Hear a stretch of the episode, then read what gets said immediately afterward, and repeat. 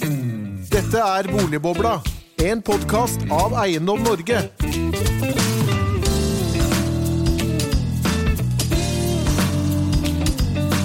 Hjertelig velkommen til en ny episode av Boligbobla. Denne gang om en øvelse Norge er mester i, nemlig gjeldsopptak. For nordmenn elsker, i likhet med USAs president Donald Trump, gjeld.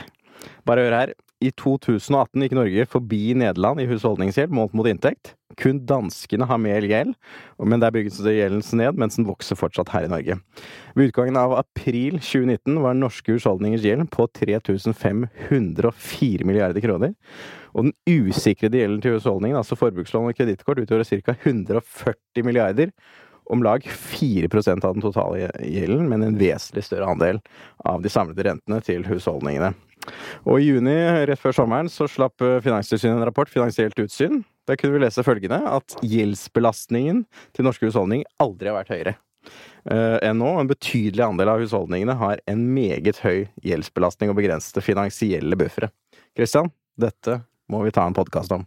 Det må vi, Erik. Og jeg må si at du var rask ut av startblokken i dag. Her Ja. var det tempo med en gang. Ferie, Det er jo Erik, Erik Lundesgaard er uh, utrolig med, klar med fulladde batterier, og det er, uh, det er jeg også etter en deilig sommerferie. Uh, du sa at vi er mester på gjeld, men vi, eh, vi pleier jo også å si at vi har jo også verdens beste boligmarked. Og verdens beste boligmarked eh, må jo også da eh, også ha verdens beste system for å finansiere dette boligmarkedet. Og eh, selv om eh, vi har verdens beste boligmarked, så kan også det verdens beste boligmarked bli enda bedre. Eh, Det passer jo bra å ha det med tanke på gjestene vi har her i dag. Vi er best i Norge. Ja, ja.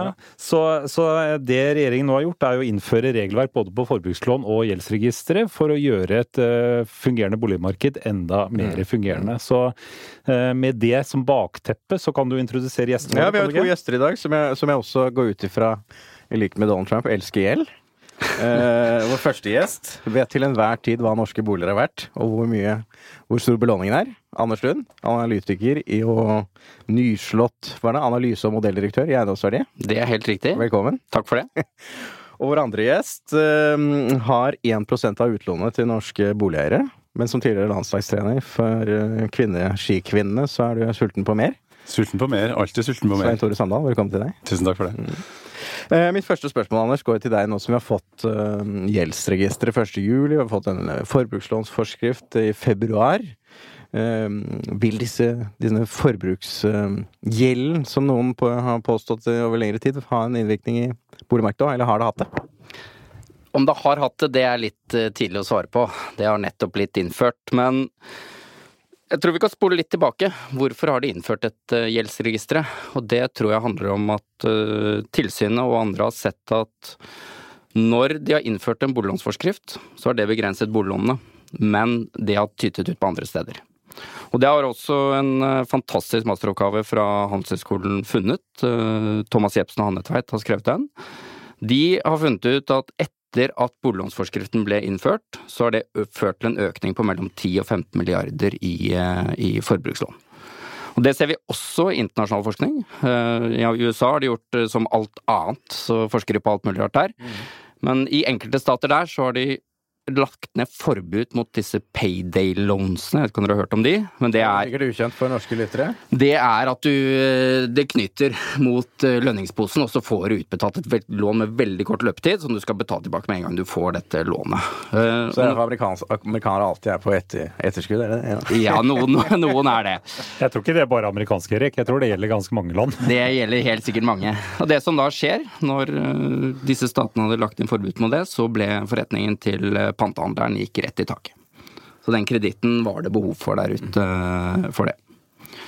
Nei, det som er det store spørsmålet, er liksom hvor, hvor mye kommer til boligmarkedet av disse forbrukslånene? Og det er en eh, litt vanskeligere øvelse. Det, måten vi tror det kommer inn i boligmarkedet, er gjennom EK.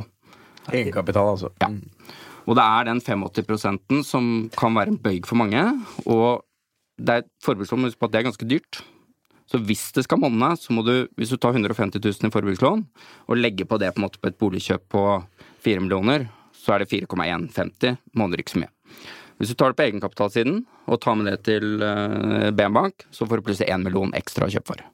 Og det koster deg ikke all verden for 150 000, det koster deg 3500 i måneden. Altså det er jo selvfølgelig betydelig, men hvis det gjør at du kan realisere kjøpet ditt, så gjør det faktisk det.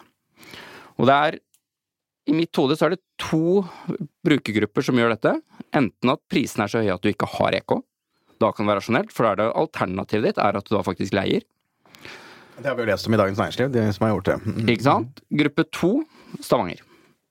Tenk deg at du kjøpte en leilighet for tre millioner i 2014-2013. Den får du kanskje to og en halv for nå. Da har du ikke EK. Eller i hvert fall veldig mye mindre. Du har familieforøkelse, du bor på 60 kvadrat og ha tre barn. Da trenger du en enebolig, og den koster fire. Og du har betjeningsevnen, det er bare egenkapitalen som er borte. Det er bare egenkapitalen som er borte, og du har betjeningsevnen. Og så er det sånn at det finnes veldig lite data på om vi vet om Det er jo, det. dette er jo bare anekdoter vi har lest om i avisene. Ikke sant. Og, og grunnen til at jeg testet også dette Jeg ringte til eh, I går satte jeg meg ned, så ringte jeg til alle forbrukslånsbankene, og så sa jeg at uh, du, jeg skal kjøpe bolig. Og jeg sliter litt med den egenkapitalen. Kan jeg få lån? Nei. Nei, så dere spør hva jeg skal bruke pengene på? Nei.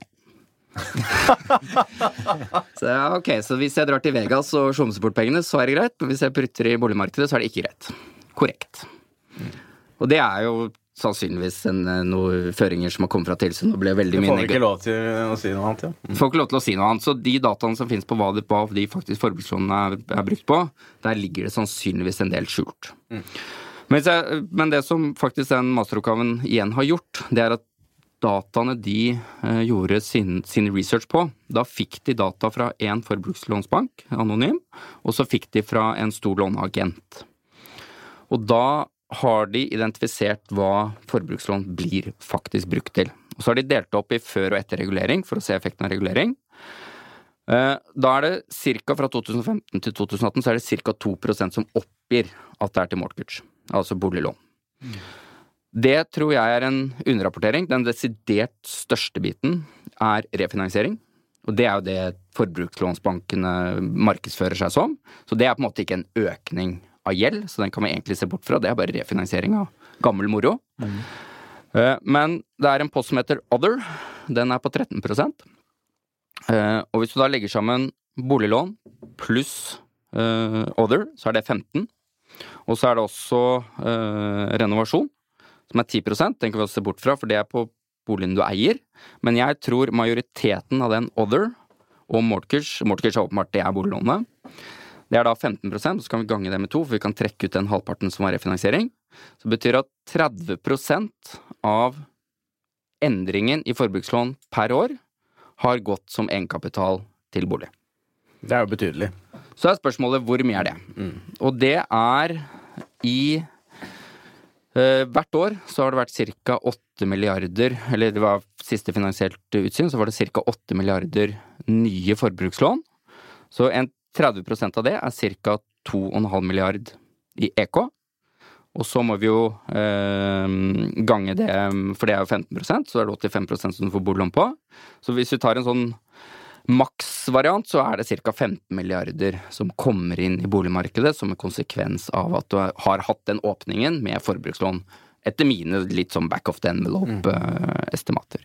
Så det er mer enn startlån i sin tid i Oslos boligmarked, det? Det utgjør omtrent, av totalomsetningen Det omsettes omtrent 300 milliarder i det norske boligmarkedet i året. Så det utgjør omtrent 5 Og det utgjør eh, omtrent 5000 boligkjøp i året. Rimer dette med din opplevelse, Svein Tore? Er det, er det så mye brukt i boligmarkedet, tror du? Ja, det rimer 100% og jeg tror minst like omfattende som det Anders beskriver her. For det vi har sett det siste året, det er at fire av ti som søker om boliglån, har usikra kreditt eller forbrukslån. Og det, det betyr jo at eh, det, det er mange som har benytta seg av det å ta opp usikra kreditt de siste åra, på toppen av at de har hatt eh, boliglån fra før, eller at de eh, bruker usikra kreditt for å få, få helt tatt få boliglån. Da. I og med at boliglånsforskriften kom og du måtte ha 15 i EK, og ikke alle stilt med rike foreldre, eller at de har vist god nok spareevne i ungdom og i, i etableringsfase. Så vi det er, jo, det er jo en del av det, men, men det som Anders er innom her òg, det er jo at eh, rentebelastninga er jo betydelig på den delen av, av eh, private husholdninger sin gjeld som er usikra. Eh, det er, det er bare 3-4% av den totale gjeldsmengden, men når det da blir 16-17% av rentebelastninga, så begynner jo dette her å slå inn ganske så, ganske så hardt. Mm. Og så kan vi si 16-17 av rentebelastninga, det, det, det, tåler vi jo som nasjon, men dette her treffer jo veldig skjevt. Det treffer jo ikke folk flest. Det treffer, det treffer en sånn en, Svake husholdninger? Ja, en del svakere husholdninger. Da, og hvordan det, eh, hvordan det, slår ut på sikt. Og da tror jeg vi må Sånn kulturelt da, så har vi i Norge vært har det vært en normalitet at du skal ha din egen bolig. Jeg har jo en junior i huset som er 19 som begynte å snakke om når vi var på ferie nå, at nå burde han jo kjøpe seg en eh, egen bolig. Ja, det burde han vel. Ja, det burde han vel. Så begynner jeg å forklare han da, at ja, for det første så skal du jo ha betjeningsevne. Du får ikke lån i bank, eh, det er fem ganger inntekta di, han er lærling. Så jeg sier seg sjøl at det blir ikke noe mye bolig av det. Eh, og så er det jo sånn at du også må ha 15% egenkapital. Hva er egenkapital, siden liksom da. Og så Ja, den må jo gå an å skaffe, kommer en jo fram til på et tidspunkt. Det, det, kan, det, det, kan jo vi stikke, det kan jo vi stille opp med, eller går det an å låne til den egenkapitalen? Så, så han har jo fanga opp et eller annet der da, som, som, er ikke, som ikke er sunt. For det er ikke sånn at det er ikke en menneskerett å eie bolig. Det er ikke sånn at alle i Norge skal eie bolig, som har vært normalen. Det, det, er usunt om alle i Norge er i bolig. Da tror jeg at vi, at vi, hvis vi begynner å se inn i krystallkula, at vi, at vi kan oppleve noe som kan være skummelt for Norge som nasjon, som da vil forsterke, forsterke og gi større kriser. hvis at vi har ja, Skattesystemet skaper jo menneskerettigheten, da, kan du si. Ja, det, gjør ja. ja. Men det er jo i USA også, før finanskrisen, så økte jo ja, boligeierne med 10 mm. Det var jo åpenbart folk som ikke mm. skulle ha, ha de lånene. Mm. Og der var det jo det er jo ikke Norsk bankvesen er ikke der i det hele tatt. Det var jo et oversalg av boliglån som var vanvittig. Ja, men så... Interest only push ut. Samme med Irland, så man eh, akkurat det samme. Der var det jo jeg kommer fra verdivurderingsbransjen, eh, så vi, vi kjenner godt til å verdivurdere enkeltboliger. og snakket med irske kolleger. Der la jo takstmenn til grunn, de, når du kjøpte bolig. Og så er det i utlandet så er det ofte at Eller det er sånn at taksten Kjøper en bolig, så uh, legger ikke bankene salgsprisen til grunn. Du må komme med en egen verdivurdering, så da kan du egentlig gå fra dealen din og det, årsaken til det er at boligmarkedet ikke er like effisient i utlandet som det er i, i Norge. Mm, mm. Det er et fantastisk marked, så mm. all honnør til meglerbransjen, også bankene som også stoler på salgsprisene når de all betaler. All honnør til alle som sitter rundt bordet her. ja, det er Og ikke vi må jo ta med Vi må ta med Schibsted, som har en viktig rolle i dette. Ja, som, som gjør at det er eh, transparent marked, som gjør at prisene blir riktig. Eh, poenget mitt er når du da får en fysisk verdivurdering som kommer inn. Det som skjedde i Irland, var at da kom eh, takstmenn inn som hadde lokalkunnskap, som visste at dette markedet kommer til å gå opp 30% neste år. Så det la de til grunn mm. på uh, utbetalingstidspunktet. Så hadde du faktisk en effektiv beholdning på 130% fra start. Mm. Og så hadde du noe interest only på toppen av det som du da skulle begynne å betale på, så blir det jo fest. Men, men, det er jo ikke akkurat der vi er i, i, i Norge i, i, dag, forhåpentligvis. Eh, men, men, det du har sagt, eh, Svein Tore, er jo det at du, vi bare har sett toppen av isfjellet. Og at dette er på en måte begynnelsen på en opp opprydning? Jeg tror flere og flere banker vil, vil, se at det står mer ille til enn de har trodd. Når, når, vi begynner, også begynner å se inn i og få gjeldsregister og så kan begynne å slå opp på kundene på, på, et annet tidspunkt. Men hva gjør, hva gjør bankene hvis jeg kommer til For sånn altså fra forskriftsståsted så er det 85% på boliglån som gjelder. Mm. Sett at jeg skal kjøpe en bolig til to millioner, og så har jeg med 300 000. Jeg forteller deg at det er forbrukslån. Mm. Får jeg boliglånet? Eh, hos oss så får du ikke boliglånet, nei. nei. Det vanlig praksis. Ja, men, men du, har, du, har, jo interne polisier, så har du pålagte polisier, så har du noen anbefalinger fra, fra tilsynsmyndigheter. Og Sånn har det jo vært over år, også i forbrukslånsbransjen. Men vi ser jo at de anbefalingene som er kommet, det har jo ikke såkalte seriøse forbrukslånsbanker brydd seg om i hele tatt. Så vi har, fra, frarådningsplikten? Frarådningsplikten har absolutt ikke blitt ivaretatt. Så vi hadde jo vi hadde 276 000 søknader på forbrukslån i fjor, i 2018. Og mange av dem var gjentagende. Det var folk som søkte gang etter gang og fikk avslag hos oss. Fikk avslag hos oss, fordi det, det her er åpenbart at denne personen her skal, her skal ikke ha mer lån, den skal ha mindre lån. Mm. Og så kommer jeg tilbake og har fått mer lån hos andre banker og fått mer og mer lån. Har fått mer lån for å refinansiere den moroa de har hatt, og, og fått samla kanskje alltid ett større lån eller to-tre større lån. Og så sitter de der med enda mer belastning. For det, det er helt sant det som Anders sier, at de fleste søker jo om refinansiering. De skal bare litt til på toppen. Mm. Mm. Til noe ekstra? Eller til noe ekstra. Helt, for da, nå skal det snart ordne seg. Mm. Så det er, det er, litt sånn som narkomane som kan bare ett skudd til. og, og, det er litt for mange banker som har, som har, har gjort gjort eh, en god jobb som dealere her, da. Hvis vi drar parallellen til, til dopbransjen igjen. De har, de har gitt litt til, og litt til, og litt til, og levd veldig godt på det. Og så har det ikke vært så mye nedside, for du har hatt gode avtaler med noen som har kjøpt opp de misligholdte låna, og så har du tatt tap på 4-5 for det er det du har, vært differansen på det du har hatt eh, av balanse, og det du har fått i pris fra de bankene her. Dette er jo, dette er veldig dårlig nytt for TV3 og Luksusfellene. Jeg tror kanskje ikke det blir så veldig mange flere sesonger etter hvert, eh, forhåpentligvis, i det programmet. Eh, men eh, dere har valgt å gå ut av forbrukslån nå, etter hva jeg har skjønt, Svein Tore. Mm. Eh, tror du at du kommer, vi kommer til å se en tendens nå til at forbrukslåns produktet nærmest raderes bort i markedet, eller hva, hva, hva, hva tror du om det? Ja, som, Jeg sier som Anders igjen, at eh, når det reguleres i en plass, så tyter det ut en annen plass. Det har tyta ut på forbrukslånssida. Så når det begynner å reguleres sterkere på forbrukslånssida, så er det jo kreativiteten som, som, kommer i en gang. Jeg har hatt folk på døra òg som har vært innom og ville ha solgt det, det med forskudd på, på, på, på lønnproduktet. For det, det, oppleves som det blir solgt inn. Da. Det blir opplevd som en smerte for mange å gå til arbeidsgiver og spørre om det gang etter gang. Mm. Så det er bedre at en bank tar seg av, tar seg av det, og så heller tar pant da, i lønna som skal mm. komme i neste måned, og måneden etter og måneden etter der. Det kan være seks måneder fremover, tolv måneder fremover. Mm.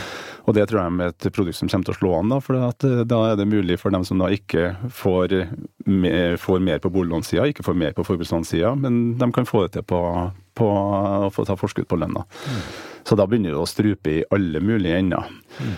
Og den, den, lønna skal jo være betjeningsevnen som skal holde tak i boliglånet, og som skal kanskje holde tak i det forbrukslånet òg, og så begynner du å ta unna der i tillegg, så det blir eh, høyst sannsynlig vil det bli noe, noen personlige konkurser fremover. Mm. Men, hva tenker du om 85 %-grensen? Jeg tenker at hvis vi skal være litt positive til forbrukslån også, så bidrar det jo faktisk med likviditet inn i markedet for førstegangskjøperne og disse Stavanger-kjøperne igjen. Ja. Det jeg har reagert på, er at uh, Hvorfor er det sånn at jeg må ljuge til uh, forbrukslånsbanken og si at jeg skal til Vegas og ikke, ikke kjøpe bolig? Mm. Er det ikke da bedre egentlig at bankene kan ha det gode gamle topplånet hvor du faktisk kan eh, låne opp til 100 da. Ja, men, eller 95, eller hva det måtte være. Men vi ser jo, vi ser jo stadig økende mislighold, stadig økende tap. Så, så, så, problemet er jo ikke at folk får for lite lån, problemet er jo at folk får for mye lån. Så ja. hvorfor skal vi holde på å tilføre enda mer inn, inn i det markedet der det, der er flere som hadde mye bedre av å heller leid en periode og så fått litt tæring etter næring og spart seg opp, lært seg å spare før de skal begynne å inn i et boligmarked og ta på seg det store store ansvaret som det er. For det, det, det er jo ikke noe tvil om at, at, det er mange som da i dag sitter støkt med, med, med usikra kreditt og, og, rentebelastning langt opp, på, opp til knærne. Vi, vi, vi, driver og rydder hos, hos, enkelte kunder der det, der det er ille hvor, hvor, vondt de sitter i det. Altså det er familie, familier som som har det, har det, fælt. Så dere er deres egen luksusfelle, er det det du sier? Ja, vi, vi, vi, ble jo det etter hvert da når vi begynte å se på alle de skjebnene som begynte begynte å, henvende seg. Og når det begynner å bli kjentfolk som henvender seg til meg, det er kjentfolk som henvender seg til andre som jobber i banken, og så må vi jo etter beste evne se på hva som kan ryddes opp i, og alt kan ikke ryddes opp i. Så må vi inn i offentlige gjeldsordninger og styre på, og så er det jo sånn at at per nå så har de jo eller frem til nå så har jo folk flest fått veldig god hjelp av boligpriser som har vokst og vokst og vokst. Og vokst. Og vi har jo sett tendensen at det er mange som har hatt litt for høyt forbruk år etter år, og så får du en ny, ny takst hos en megler, og så refinansierer du det litt for høye forbruket år etter år. Mm. Men så stoppa jo der opp. Mm. Og da sto du der med en høyere Du har fortsatt du har maksa ut boliglånet på 85% så har du usikra kreditt ved siden av som ikke får, får refinansiert inn for at det har stoppa boligprisene.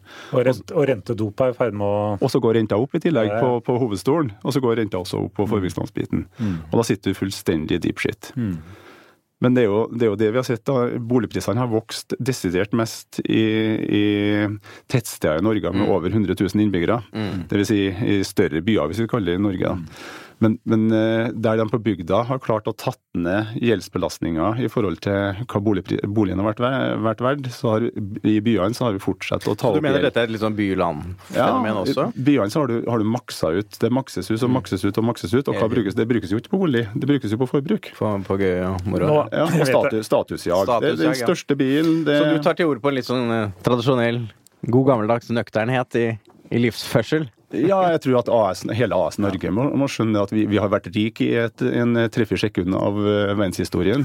Vi, vi var et u-land helt tilbake, vi trengte ikke lenger tilbake til 60-tallet. Vi var ikke u-land da, det det er jo lenger tilbake, men ja. Ja, men hvis du kaller, hva kaller du Marshallhjelpa? Jeg vil kalle det, vil kalle det uhjelp. Ja. ja, det var uhjelp, hjelp, ja. Ja. Så da, da, da er vi det er, ikke, det er ikke så mange år. Vi, vi vant i Lotto da vi fant eh, oljen i Nordsjøen.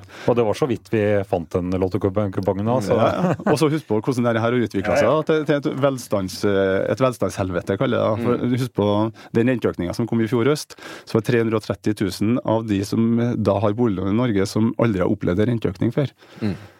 330 000. Og nå har de opplevd tre. Nå har de opplevd tre. Ja, og fjerde kommer sannsynligvis i september, så får vi se hva fremtiden bringer.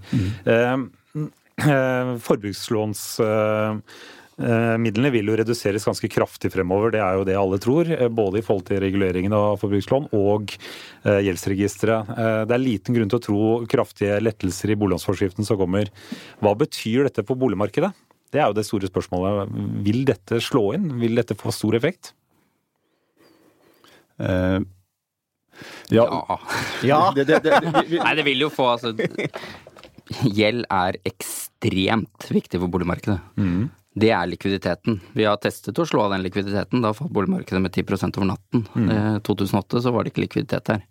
Så det er åpenbart at på alt annet likt, som det aldri er Men det var ikke forbrukslån, Anders. Det, Nei, nei. det, det var nei men du sier noe, bare hvis du sier at du strammer inn også på kreditten, og det er jo en, det er en slags innstramming at prisen på lånene også går opp.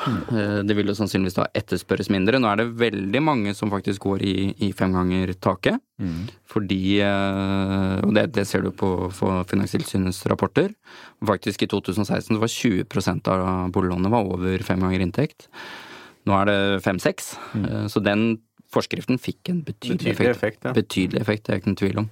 Men samtidig så men, spørsmålet fra, fra storparten av kundene er jo, det er jo fortsatt det, er- det er ikke hva bør jeg kjøpe, det er hvor, my, hvor mye kan jeg få i lån, Mm. så at jeg kan kjøpe så, så stort og så dyrt som overhodet mulig. Så Og på en måte er jo det rasjonelt, ikke sant? Ja, og Min hypotese er jo at den fem ganger inntektskravet som kom, det bidro til at fem ganger plutselig var en terskel du kunne låne opp til. Det er nok noen som har flyttet seg Ja. opp dit òg. Det har jeg hørt fra kolleger av deg, kredittsjefer, som har sagt at nå forventer man å få få femgangeren. femgangeren, Mm. Selv lavinntektsgruppene som tidligere var jo i restriksjon av 5% påslaget. Og femgangeren er ikke i spill for forbrukslån, bare så det er sagt. For har du fem ganger inntekt i forbrukslån, så har du et seriøst problem. Da går, eh, da går hele lønnen din til bruttolønnen din til rentene, for å si det sånn. Men, men, det, men det sier seg jo sjøl at skal du ha en ok bolig for en, eh, for en familie, om det er et eller hva det er for noe, i en by av en viss størrelse, så må du jo på fem ganger inntekt av en normal eh, husholdningsinntekt i Norge. Spesielt, dette- spesielt, dette er veldig spesielt for Oslo. Der er det noen helt andre priser. Og veldig, altså Kristiansand så er ikke fem ganger inntekt i Men Dette bringer oss over et, et annet viktig tema, fordi du, Anders, er jo herostatisk berømt for å være mannen bak den berømmelige sykepleierindeksen og familieindeksen. eh, og det illustrerer jo nettopp denne indeksen, hva, hva man har råd til. Hva, hva er det den gjengse singelhusholdning, da, som sykepleierindeksen Singelhusholdninger kommer faktisk ikke så gærent ut, bortsett fra Oslo. Eh, Så får de eh, sånn jevnt over Norge så er det på rundt eh, 30 Familieindeksen er jo da har jeg lagt til en tilleggsrestriksjon med at familien skal ha 100 kvadratmeter bolig. Det får du ikke sentralt i noen av byene. Eh, de, altså overordnet 25% du får fint eh, boliger hvis du flytter ut av byen. Men det som, jeg, det som jeg faktisk har sett på i sommer, er at jeg har sett på hva er sammensetningen av det vi har bygget de siste, siden de siste 100 årene. Og det jeg fant der, som jeg syns var interessant og litt overraskende, er at på 80-tallet så var 80% av boligene vi bygget, det var familieboliger. Nå er det motsatt. Nå er 80 leiligheter. Så det er en åpenbar Vi bygger mye mer nå enn vi gjorde på de Den var jo lave på 80-tallet. Ja, 80-tallet var ikke så gærent bygging. Men eh, Men 90-tallet 90- og 0-tallet var lavt på bygging. 2010-tallet kommer til å komme inn høyt på bygging, men det er, det er leiligheter som bygges. Mm. Så familiene, og det ser vi også, det ser vi, dette er også en internasjonal trend, familiene flytter ut av byene, og byene blir sånn singelhusholdningshubber. Ja, det er at det er det vi vil ha, den debatten trenger ikke å ta, men det er i hvert fall konsekvensen av det som, det som skjer. Men det deler av svaret, tror jeg, for at atferden har jo endra seg veldig fra 80-tallet. For på 80-tallet så bodde jo folk i, stort sett i boligen sine til de blir flytta på et gamlehjem. Nå flytter de jo ut i en leilighet og frigjør den boligen til, til familier som har mulighet til å kjøpe og så flytte, seg inn, flytte inn i den. Ja. Det er Så det, så det, det, er jo, det en mobilitet i, i, i eiendomsmarkedet som er på, på helt stor, annet nivå. den er, Ja. den er voksen, ja. Men hvordan er det i, i Trondheim? For, for i Oslo nå så ser vi at det er et enormt trøkk på de rekkehus, eh, sentrale rekkehus, eneboliger, tomannsboliger. Ja, det, det, det er samme som skjer i Trondheim. Men det, i Trondheim så har det jo vært eh, ekstremt stor nybygging i en god del, god del Ja. år. da, Og veldig mye av nybygginga har jo vært, har retta seg mot, mot den voksne befolkninga der barna har flytta ut, og de eh, vil bo enklere og mer sentrumsnært, og har flytta fra Typisk fra Byåsen og ned til Solsiden i Trondheim, sånt, og så har de frigjort den eneboligen til en familie som kunne ha flytta inn der. sånn. Og det er jo positivt, da. Det er veldig, positivt. bedre det, det, det er en fantastisk dynamikk, dynamikk som har vært i boligmarkedet.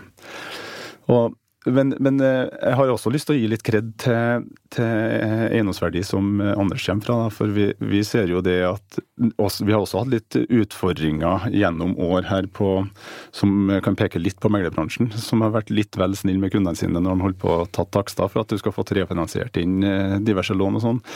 Vi ser jo at når boligene reelt blir solgt, så stemmer jo eiendomsverdiet sine estimater mye bedre enn det som eh, de meglertakstestimatene gjør.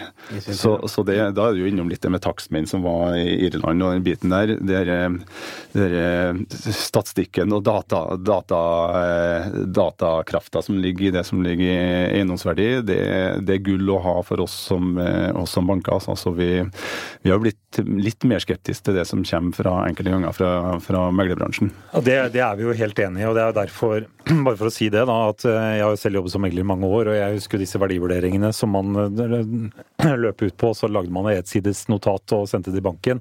Det var grunnlaget for lån. I dag så har vi jo innført fra en av Norges ståsted at man skal ut vi samarbeider med eiendomsverdi, at det skal være e-takst som ligger til grunn. eh, Som er en kombinasjon av meglers skjønn og eiendomsverdis eh, eh, data eh, i, i bunn, som gjør at bankene skal føle seg trygge. Så jeg tror det er de siste to-tre årene så er det jo blitt kvantesprang på kvaliteten på verdsettingen. Eh, både i boligsalg, men også i forbindelse med refinansiering.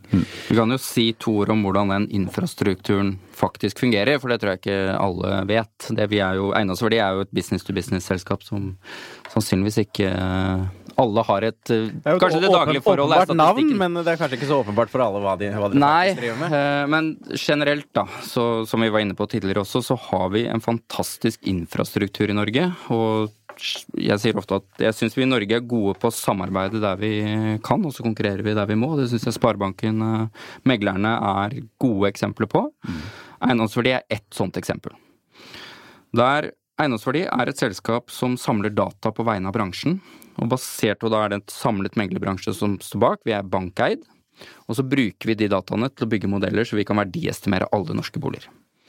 I praksis så betyr det for kunden at hvis en kunde skal bytte bank, så går det smertefritt. Eh, Det er også andre infrastrukturer bak med at man kan hente samtykke med å hente skatteseddel osv. Det er også unikt med Norge. Eh, Så du kan faktisk få et boliglån i Norge på to minutter. Eh, Det er, det er ikke mange andre land. Altså, jeg hørte jeg nett selv erfart. et, et, bo, et boliglånsbytte i England, Irland, jeg tok et kjapt søk på det også, koster det mellom 15 000 og 20 000 kroner. Er betydelige kostnader. Det her. Betydelige kostnader. Eh, I Norge så går det helt smertefritt fordi du har infrastruktur bak som man ikke tenker på. Ja, Dra til Spania, så tar jo bare det med, med å få verifisert at du er du. Det koster jo sikkert 15 000-20 000 kroner. Ikke sant? Så her, vi har, vi har bank-ID, og det, det er jo helt unikt også Ikke på er verdensbasis. Så vi har, vi har en infrastruktur i Norge som er helt unik, altså, som er veldig forbrukervennlig. Ja. Og det gjør jo også at hvis du ser på kostnadsnivåene til norske banker, så er den fantastisk god. Helt, helt i verdenseliten. Eh, Hvis du eh, cost income ratio er en som vanlig mål, der er Norge Hva ligger dere på? 40% eller noe sånt? 38 BM-langt, da. 38 BM. Hvis du ser på tyske, så ligger de på 90. Så det er en øh, og Hvis man har forsøkt å handle bolig og, og holde på med lån i utlandet, så er det, det er et mareritt. Når du er vant til hvor bra det funker i Norge. Men du, jeg, jeg følte ikke helt at jeg fikk svaret på det som jeg tror veldig mange eh, lurer på, som er det store spørsmålet her ute. Nå har vi eh, Forbrukslån kommer til å reduseres som likviditet inn i boligmarkedet. Gjeldsregisteret gjør at bankene får bedre verktøy til å treffe godt i lånetilsagnene. Hva betyr det for boligmarkedet? Vil vi se en korreksjon prismessig? Er, har, vi, har, vi, blåst opp verdiene i boligmarkedet som nå blir korrigert pga. at den likviditeten forsvinner og, og, og lånehistorikken til låntakeren blir mer transparente? Eller er, er, dette en så marginal del at dette blir litt sånn krusninger på vannet? Det, den, dette har større effekt i forbruket. ut et annet sted, ja. ja. Det kan jo være at det kommer noen sånne eh, privatlånsvarianter, mm. peer-to-peer-lending andre typer eh, produkter på markedet? Det kommer helt sikkert, men det kommer til å begrense. For den gjennomsiktigheten som gjeldsregisteret gjør, og det, eh, det, gjør også at banker ikke kan unnlate å, å ta stilling til det lenger. Mm. Det vi opplevde òg når vi når vi eh, holdt på med forbrukslån, at vi sjekka jo alltid eh, siste sjøangivelse det var vi jo en av få banker som gjorde. Så vi, vi hadde jo vi, der, der, andre banker peker tilbake på kunden og sier at her, du sa jo sjøl at du ikke hadde så mye lån. Det vi opplevde var at mange kunder ikke var bevisst på hvor mye de hadde lån, og mange bevisst unnlot også å si hvor mye de hadde lån, for da visste de at de fikk ikke mer. Mm.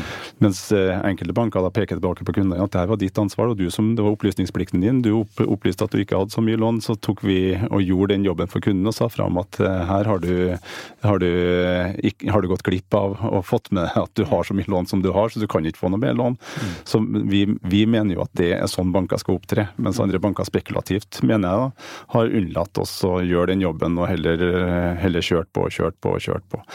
Så det, det, vil jo, det, vil jo, føre til mindre likviditet i markedet. Mm. Det vil føre til mindre likviditet som også, en del likviditet som også har blitt brukt til å finansiere at noen har kommet seg inn i boligmarkedet eller kan kjøpt seg opp en større bolig. Så noen må ned på, ned på boligstørrelse eller boligverdi og når de, skal, når de, skal, skifte bolig eller ha sin første bolig, og andre kanskje skal ut i leiemarkedet og være der i stund og skaffe seg likviditet før de skal inn i boligmarkedet. Hvis, hvis vi stoler på den øh, baksida av konvoluttberegningen som jeg gjorde i stad, så var det 5 mm. Av etterspørselen. Og det er, det er, ganske betydelig antall? Det er et, det er et betydelig, betydelig, antall. antall. Mm. Men, men, er det ikke Men så forsvinner ikke alt, ikke sant. Så det er jo Hvis, man, hvis jeg skulle gut feeling. Eh, et sted mellom 0 og 5, eller 2,5 og 5, eller noe sånt. Ja. Men, men, eh, det er jo da et egentlig et ganske stort paradoks, dette her. fordi at uh, vi har jo et skattesystem som gjør at uh, det er åpenbart fornuftig å eie kontra leie hvis ikke vi får en kraftig priskorreksjon. Mm. Um, og vi har en regulering for å komme inn i markedet som gjør at du er avhengig av en egenkapital for å komme seg inn. Så det å strupe forbrukslån, det å strupe tilgangen til likviditet for å møte EK-kravet, mm. gjør at du er enda mer avhengig av familiebanken.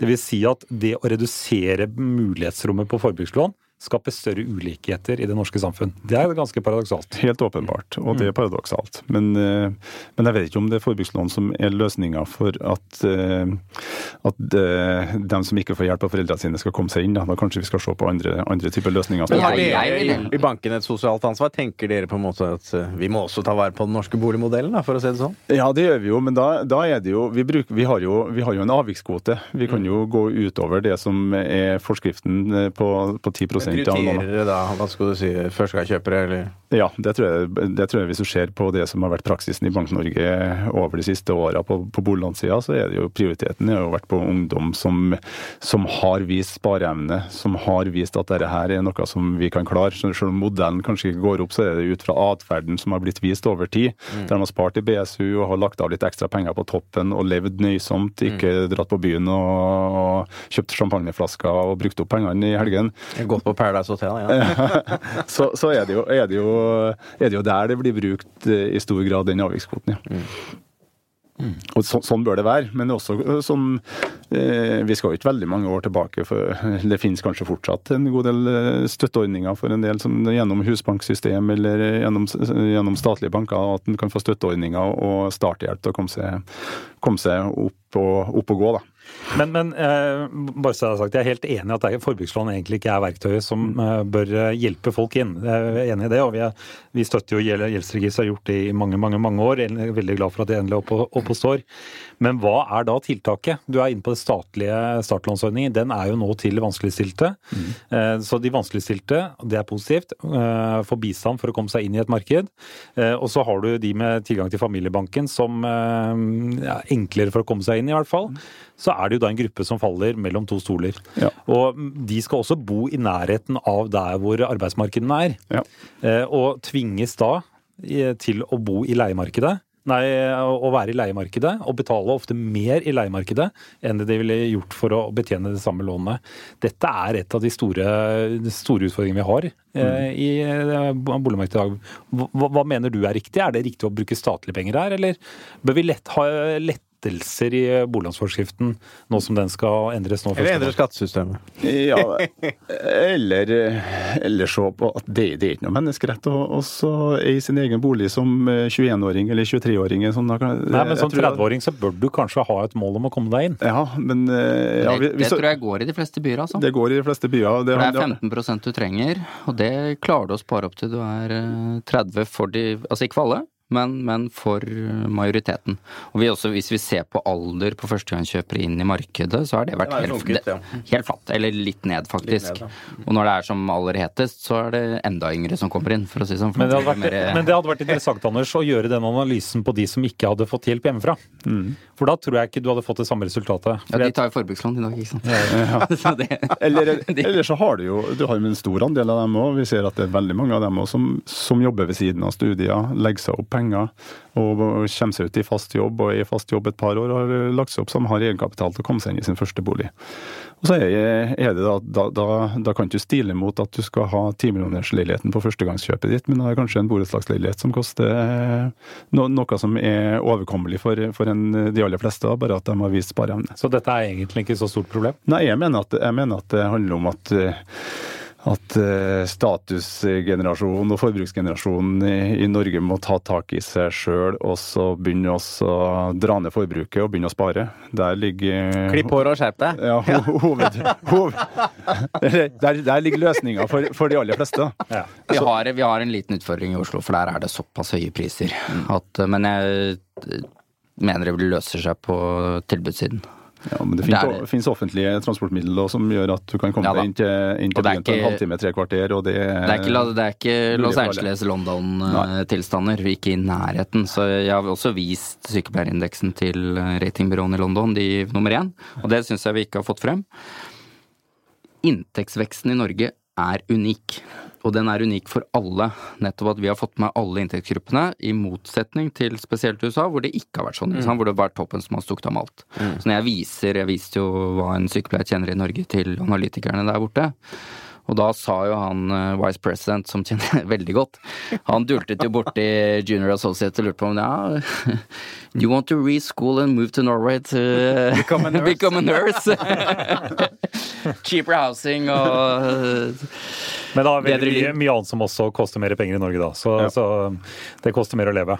Absolutt, men det er, det er en viktig faktor å ha med seg i diskusjonen. At vi, eh, inntektsveksten har vært viktig. Og hvis også sier jeg deler ikke Tilsynet er veldig, veldig bekymret for at vi er så ekstremt sårbare nå. Det er ikke sånn at alle husholdninger er sårbare. Mange, de aller fleste tåler ganske betydelige renteøkninger, altså. Så- så- alle- alle, alle husholdninger tåler de, de alle- 5%, ikke fem- sant? fem- fem prosent. Det, handler- Og- og det, handler om, det handler om at folk må begynne også å ta stilling til forbruket sitt igjen. Da. Det, det, hvor mange boblejakker skal du kjøpe på barna dine i løpet av et år? Hvor mange sydenturer skal du ha? Klarer du å kutte ned litt her, litt der, og heller spare litt, så, så tåler de, så tåler de, de Og, og 5 aller, aller fleste. er vi oppe på 8 boliglånsrente, ikke sant. Så det tror vi på det. Modellmessig så tåler jo alle det, alle som har fått boliglån, men problemet er jo at det er mange som bruker langt utover det som modellen tilsier at de skal bruke. Ja, og, og, vi, og der, vet vi, der vet vi at forbruk, det er sticky. Ja. Ja, det er veldig vanskelig å reversere forbruk hvis du først da går du Det snakket med SIFO-forskere om. Da går du heller konk enn å miste ansikt for Ja. naboen. Men eh, og om du reduserer forbruket, og hvis vi snakker om eh, 8% rente, så er jeg mer bekymret for andre deler av norsk økonomi i forhold til eh, hvilken effekt det får. Nettopp. Eh, Det er noen restauranter og klesbutikker og bilforhandlere og skatteforhandlere osv. som vil slite da, og hva betyr det da? Ja, og det, og det, For det er ikke på boliglånssiden. Jeg er helt enig med deg. Så, så hvis vi skal oppsummere, så er det ikke noe problem at vi har så mye gjeld, eller? Nei. det, er, klart vi er mer sårbare. Vi er, vi er åpenbart mer sårbare. Det er, det er det ikke noe tvil om. Jeg syns det er problematisk om dagen fordi at det, at det treffer så skjevt. Og det, det er det vi må ta inn over oss. at Hvis det begynner å rulle, da, hvis at det verste scenario at det begynner å dra seg ut i at det blir en, eh, blir en del tvangssalg, så går det utover eh, hvor rik vi er også, alle andre i Norge. For vi, vi har storparten av formuen vår, det begynner opp i boligeiendom. Blir det masse tvangssalg, så vet vi at tvangssalgseiendommene går for en lavere pris. Da vil det dra ned det generelle prisnivået. Det vil dra ned hva som er taksten på min og din bolig, som gjør at vi, Vi vi, vi alle, blir- samme, en, vi er alle saminvestert i norske boligmarkedet. så Ja, ja, vi har det. Er også en opplåsningseffekt i Ja. bankmarkedet, for du får ikke byttet bank, og dere kan sette opp prisen. Vi, vi, vi, vi, vi, vi, vi blir mindre lik, vi føler oss mindre rik. Det går utover forbruket, som Kristian er innom. Og det vil, få, det vil få en, det blir en sånn spiral, da, sånn at eh, vi får en resesjon i Norge. Men hvis du også ser på de absolutte prisnivåene, så er ikke de Ja, det har vært veldig stor prisvekst. Utenfor Oslo så er de absolutte prisnivåene etter min mening relativt lave. Oslo er de relativt høye, men hvis vi sammenligner med altså byer som Stockholm, eh, andre storbyer, så er det ikke så gærent. Det er Det det. er verre i Sverige, ja. Det er godt å høre. Det er det. Og, og også når du, når du sammenligner gjeld på tvers av landegrenser, så syns jeg det er et poeng at man bør justere for at vi har en høyere eierandel. Så det er gjeld i forhold til formue er en, er en viktig faktor. I Sverige så teller de heller ikke med fellesgjelden til uh, borettslagene når de regner. Det er betydelig. Så man skal være litt forsiktig når man eh, sammenligner sånn gjeld på tvers av landegrenser. Men det er ikke noe tvil om at det er en, det er en høy Det er høy gjeld i Norge. Det er det jo. Det var en veldig bra avslutning. Kristian, vi har jo noen faste spalter også vi må, vi må komme oss igjennom. Det skal vi gjøre. Eh, Det første av spaltene våre, det er ditt første boligkjøp. Da spør vi gjestene våre eh, om du kan eh, gi en liten kort redegjørelse. Hvor var ditt eh, første boligkjøp, eh, og hva betalte du, og om du har noe spesielt å fortelle? Og hva følte du? Beisligata 3 i Trondheim, Ila i Trondheim. Det var da en eh, treromsleilighet som jeg fikk eh, gjort om til en fireromsleilighet. Eh, Bodd der og leid ut til to kompiser. Og fikk dem Du vet hva du driver med. Hvor, hvor, hvor gammel var du da? Nei, da Skal vi se, da var jeg 23 år. 23 år. Ikke 19 som din. Og, stu, og student og jobba ved siden av. Har du tipset uh, sønnen din om det? At det, det var måten å gjøre det på? Ja, han hadde, han hadde en, allerede tenkt gjennom at han kunne gjøre det sånn, men likevel så må han ha egenkapital, og han må ha betjeningsevne for å komme seg dit. Men det trengte ikke du. Nei, jeg trengte ikke, men, men jeg hadde faktisk spart opp så jeg hadde egenkapital. da. Men den, eh, den leiligheten kosta 700 000. Ja. Og den eh, solgte jeg en, eh, etter fire år, og da fikk jeg en 1350. Så det var nesten en nesten. Nesten en dobling. ja, nesten en dobling. Ja. Men da kosta jo tilsvarende mer å kjøpe den neste som jeg skal kjøpe, som var leilighet litt nærme byen. Ja, ikke det sant? dopet med gjelden, var det det? Ja. Og du da, Anders? Ditt første boligkjøp? Nei, jeg startet jo eiendomsverdi i 2012.